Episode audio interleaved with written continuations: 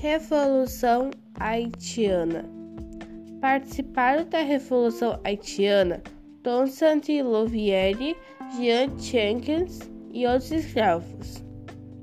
Esses principais interesses eram a eliminação da escravidão e a independência do Haiti.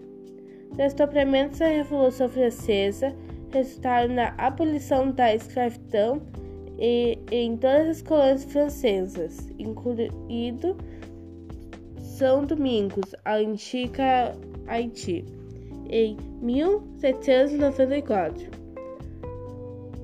Já por um lado, o presidente americano Thomas Jefferson recusou-se a reconhecer a independência do Haiti, cedendo à pressão da França e da Espanha.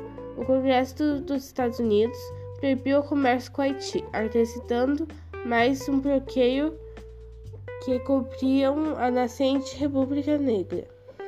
Sabendo disso, podemos afirmar que sim, a Revolução do Haiti pode ser considerada um exemplo de revolução, pois se gerou de um objetivo para uma independência.